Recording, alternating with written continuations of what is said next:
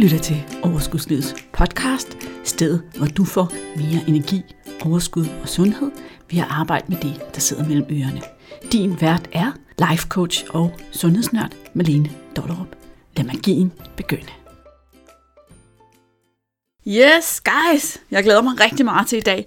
I dag skal vi tale om det her med at bygge barriere op foran livet og bruge mad og alle mulige andre ting til sådan en buffer for ikke at mærke det, der sker omkring os.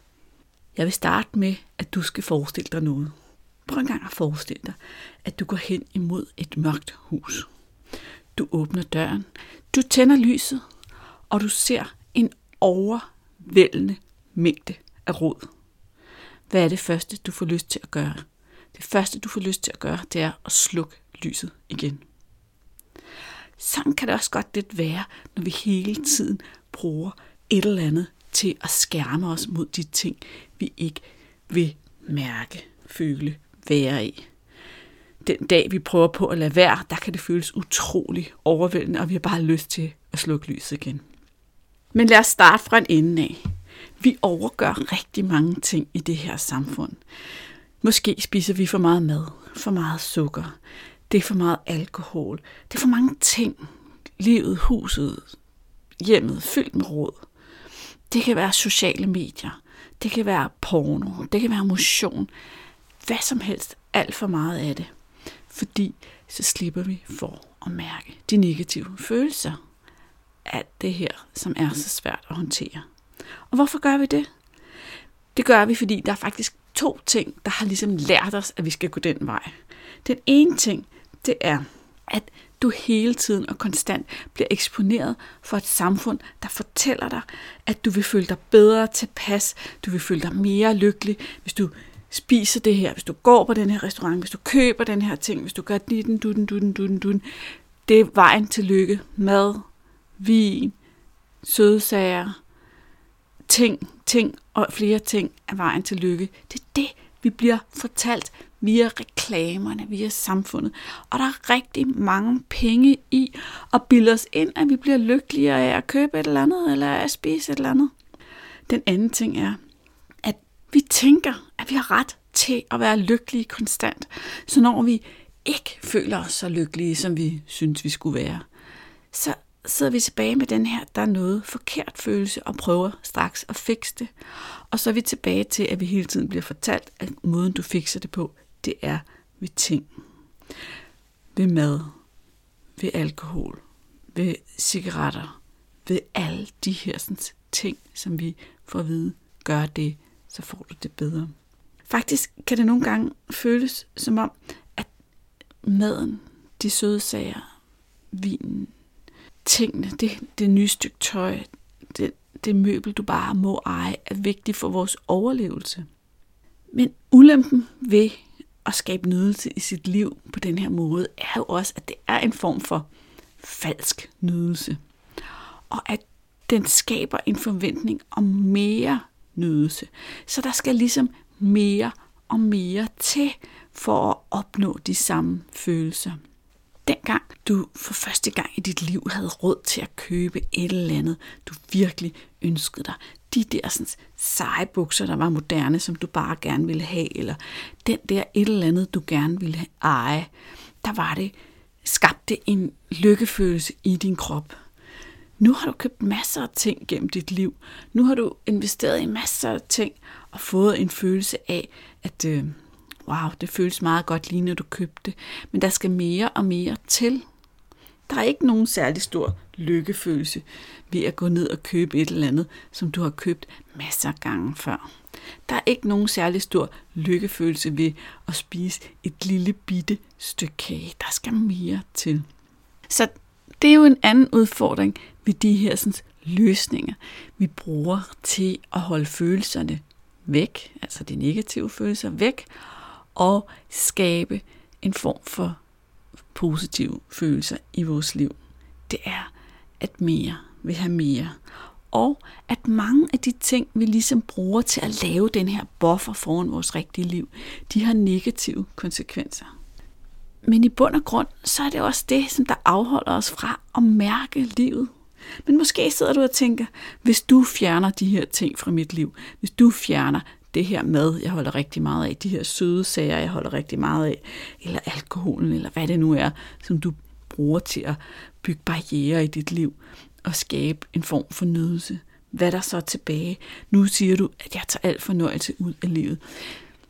De fleste, der øh, går på for eksempel, nu skal jeg ikke spise sukker i en måned, de er fuldstændig på det rene med, at det her, det er noget, jeg gør i en måned, fordi jeg lige skal skrue ned, men aldrig i mit liv, om jeg kunne drømme om aldrig mere at spise sukker. Fordi du må ikke tage nydelsen ud af mit liv. Prøv lige en gang at lege med det. Jeg siger ikke, at du skal gøre det, eller du skal vælge det. Men prøv lige at lege med det. Hvad er det, som det er, vi tager ud af dit liv? Hvad er det, som du tænker, at du vil gå glip af? Hvad er det helt præcis, du vil gå glip af, hvis du nu besluttede dig for aldrig mere at spise sukker? Hvad er dit liv uden de her sådan, nydelsesting, som du gør? Jeg vil overlade dig lidt til at tænke over det, men jeg vil også bruge tiden til samtidig at fortælle dig en historie, nemlig for ja, lang tid siden var jeg til et arrangement sammen med en muslimsk pige, og det var ramadantid, så hun havde ikke fået noget at spise hele dagen, og de havde været i gang et par dage. Det var øh, en sommer, så der var rigtig lang tid, hvor de ikke må spise, fordi under ramadanen må man ikke spise og drikke, øh, mens det er lyst jeg var rigtig nysgerrig på det her med, hvordan havde hun det, hvordan fungerede det for hende. Hun må spise, når det er mørkt, så de spiser et måltid øh, sent om aftenen, inden de går i seng. Og det, hun sagde til mig, det fascinerede mig rigtig, rigtig meget. Hun sagde, at det var egentlig utrolig befriende ikke at skulle spise. Hun skulle ikke bruge tid og kræfter på at tænke over, hvad hun skulle spise, hvornår hun skulle spise, forholde sig til at få lavet mad og få mad på bordet, for alle de der processer og beslutninger, der lå omkring mad. Den behøvede hun overhovedet ikke tænke på. Hun havde fri hele dagen til at bruge sine kræfter og sit overskud, sin hjernekapacitet på andre ting. Og i virkeligheden så følte hun også, at hun blev sådan lidt mere opmærksom på alt det foregik omkring hende og satte mere pris på det, som der ellers var i hendes liv. Er det ikke fascinerende?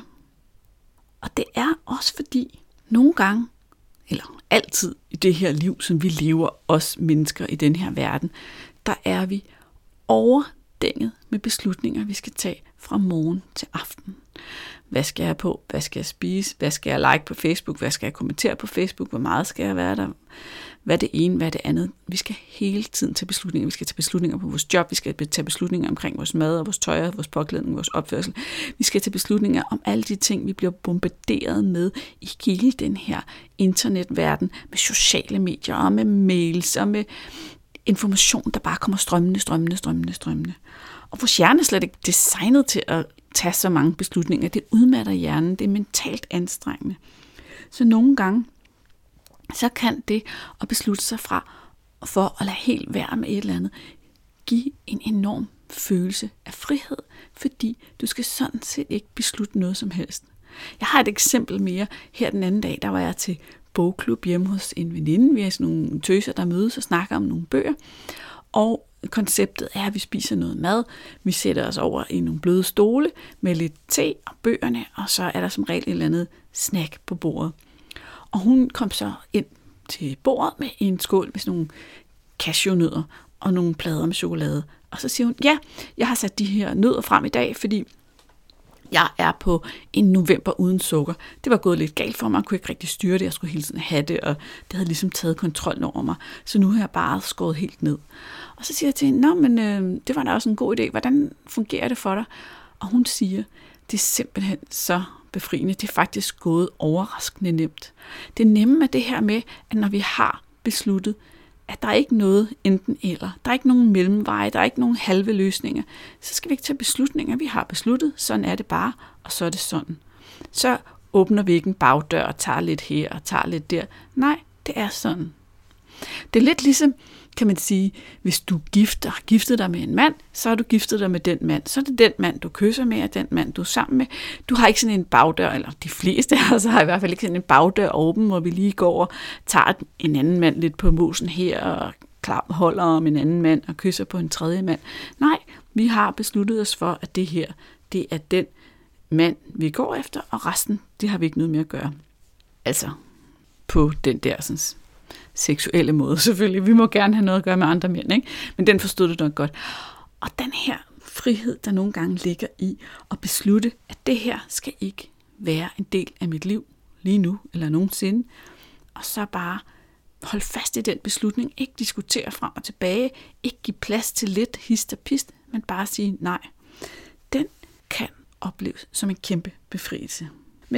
Samtidig så vil der jo også ske det, hvis du gør det. Hvis du tager alt det her buffer og alle de her barriere ud af dit liv, eller den barriere, der fylder mest, som for mange af os, som sidder her sammen, dig og mig, mig foran mikrofonen, dig ind i øret, med mig ind i øret hedder det vist, så er den buffer jo med skråstreg søde sager. Nu kalder jeg det bare med for resten af øh, podcasten her. Den buffer, den er med. Så hvad sker der, når vi tager overspisningen, når vi tager for meget mad ud af dit liv? Der sker det, at du vil komme til at mærke dine følelser. Og det kan, ligesom når du tænder lyset i det der meget rode hus, være føles ret overvældende og ret uoverskueligt til at starte med. Det kan føles som om, der er alt for meget negativt i livet og alt for lidt positivt. Men samtidig så er det også sådan, at når du fjerner de her sådan, falske barriere, du har sat op, eller barriere, du har sat op for at møde de her følelser, så er du nødt til at føle dem. Så er du nødt til at mærke dem.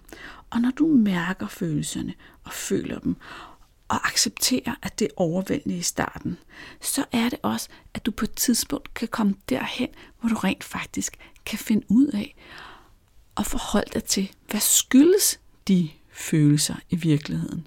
Og nogle gange så skyldes de følelser rent faktisk noget i vores liv, som vi måske har udskudt rigtig længe at tage handling på.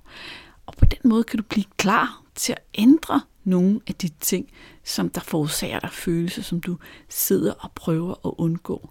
Du kan altså løse problemet der, hvor det opstår, i stedet for at putte plaster på, på plaster, på plaster, på plaster, hvis vi skal lave sådan et billede af, hvad det er, du gør, når du putter søde sager ind.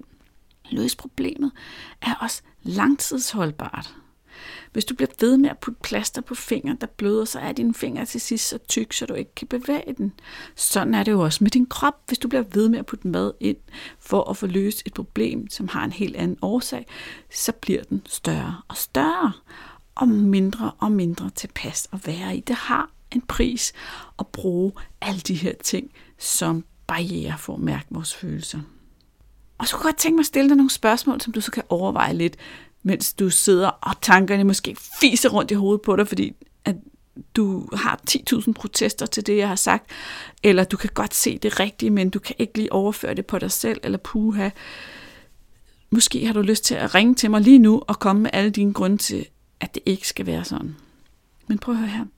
Jeg har også rigtig tit klienter, som siger, ja, og jeg vil også godt opføre mig øh, på den måde, jeg mener er fornuftigt for mig i forhold til, til mad og drikke osv. osv. Men når jeg et eller andet, når jeg skal mødes med mine veninder, så skal jeg altså have lov at drikke vin og spise chips, eller spise kage og drikke te, eller hvad det nu er, der skal til. Og så kommer spørgsmålet jo, okay, men jeg vil gerne lige vide noget, siden det er så vigtigt det her. Mødes du med dine veninder for selskabets skyld, eller mødes du med dine veninder for det, I spiser? Og hvis du helt ærligt kan sige, at du mødes med dine veninder for selskabets skyld, hvorfor er det så, at du er nødt til at bruge veninderne som undskyldning for at spise det, som du nu spiser sammen med veninderne. Vil selskabet være anderledes? Vil forholdet imellem jer, eller den oplevelse, du har af at være sammen med veninderne, være anderledes? Fordi at du vælger ikke at spise, fordi du har besluttet, at det ikke tjener dig at spise noget lige nu. Jeg siger ikke, at det ene er rigtigt, eller det andet er rigtigt, eller du skal vælge det fra eller til. Jeg prøver bare at sætte nogle tanker i gang inde i dit hoved om, at det hele tiden handler om de briller, du har på. Og det hele tiden handler om at fokusere på, hvad er den falske nydelse i dit liv? Du kunne ikke se det, men jeg lavede gåsøjne med fingrene. Og hvad er rigtig sand nydelse og glæde i dit liv. Og hvad er nydelse og glæde, som ikke har en konsekvens? Det kan fx være godt selskab med sine veninder. Hvad er nydelse, som har en konsekvens? Nydelse, som har en konsekvens, det er at spise for meget mad, det er at spise søde sager, det er at drikke alkohol, det er at øh, overgøre sociale medier, det er at ryge, eller det er at tage heroin, hvis det skulle være. Det skulle være den vildeste nydelse at tage heroin. Det skulle være som eksplosion af nydelse ind i dit hjerne. Fuldstændig vildt. Men du ved jo godt, at det har en konsekvens. Og det har de andre nydelser også. Og tit så har de også en pris, der er så høj, at de faktisk i sidste ende tilfører mere smerte, end den smerte, som du forsøgte at undgå ved at ty til nydelsen i første omgang. Men er dit liv i virkeligheden lykkeligere, når du er trist, ensom og overvældet og fikser det med mad? Eller er det bare den eneste udvej, du har kunne se indtil nu? Og kan du, nu hvor vi to har taget den her lille snak, forestille dig, at der kunne være andre udveje?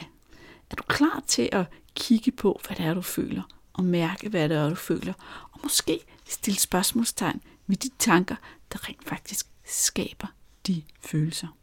Jeg tænker, at hvis det her falske nydelse ikke havde konsekvenser, så ville vi alle sammen gøre det meget mere. Hvis det ikke havde nogen konsekvenser at drikke alt det vin, du havde lyst til, drikke alt de øl, spise alt det kage, is, chips, slik, søde sager, spise kæmpe store portioner mad hver dag, købe alt, hvad vi havde lyst til, alt, hvad hjertet begærede, købe noget stort og fantastisk, bare blive ved. Hvis det ikke havde nogen konsekvenser, så ville vi bare gøre det. Vi ville være ustoppelige. Men det har konsekvenser, og det er måske meget godt. Nogle gange så sker der det, at du køber noget helt stort og fantastisk. Du køber det der ultra fede stykke tøj, du bare har drømt om. Du køber den der lækre bil, og du får det der rush af glæde.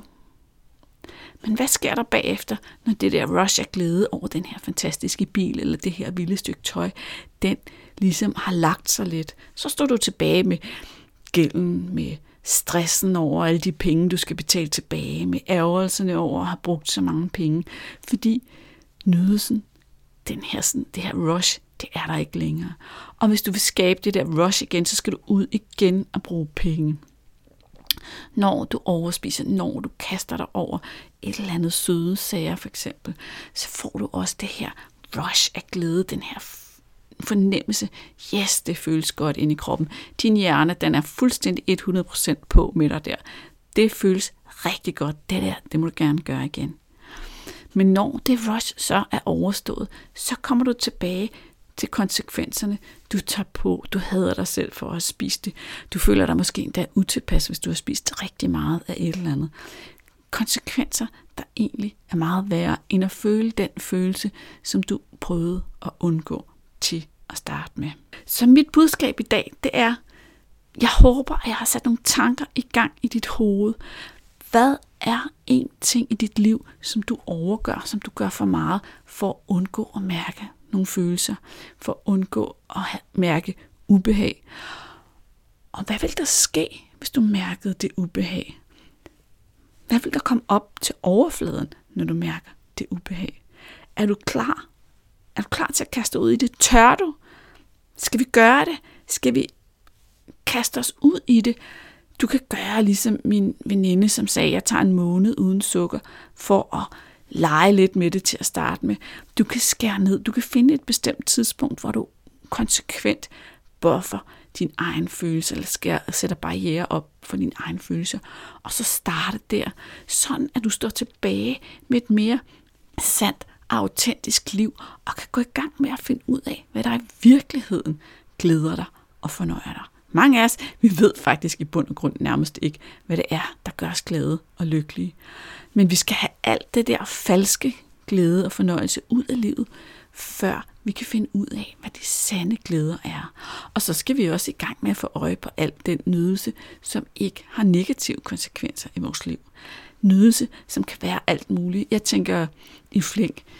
Kysse, danse, være ude i solskin, og det kan man sådan da sige, kan have negative konsekvenser, men være ude i naturen så. alt muligt. Det er ikke din liste. Jeg, jeg skal ikke lave din liste, du skal lave din liste. Men jeg kunne godt tænke mig, hvis du tog en notesbog eller et eller andet andet, du dedikerede dedikeret til det, og så begyndte du at notere lidt ned i den hver dag. Hvad skaber glæde og nydelse i dit liv, som ikke har nogen negative konsekvenser? God fornøjelse med det arbejde. Jeg glæder mig allerede til at snakke med dig igen, og jeg håber virkelig, at du fik noget ud af den her podcast, og fik nogle indsigter. Du er så altid velkommen til at skrive til mig, hvis du har spørgsmål, hvis du har noget på hjertet, eller du har noget, som du synes, jeg skulle tage op. Det kunne være helt fantastisk. Du kan finde mig på maleneatoverskudslivet.dk, eller du kan gå ind i min Instagram-profil, som hedder Malene fra Paleolivet, og sende mig en besked derinde. Vi snakkes ved. Ha' en fuldstændig fantastisk og vidunderlig dag. Og en hurtig rettelse. Min Insta-profil hedder Maline fra Overskudslivet. Jeg glæder mig til at høre fra dig. Hej. Hey, pst. Kunne du lide det, du hørte? Så glem ikke at gå ind og anmelde podcasten og give den lige så mange stjerner, som du synes, den fortjener. Du skal vide, at din feedback betyder virkelig meget for mig. Tak. Nu hvor vi har klaret det med anmeldelserne og at du skal abonnere på podcasten, så vil jeg lige tilføje, at dette afsnit af Overskudslivets podcast blev sponsoreret af onlineforløbet Slip Sabotøren og Opnå Vejet Vægttab. Hvis det lyder som noget for dig, så kan du læse mere på overskudslivet.dk-slip. Hej.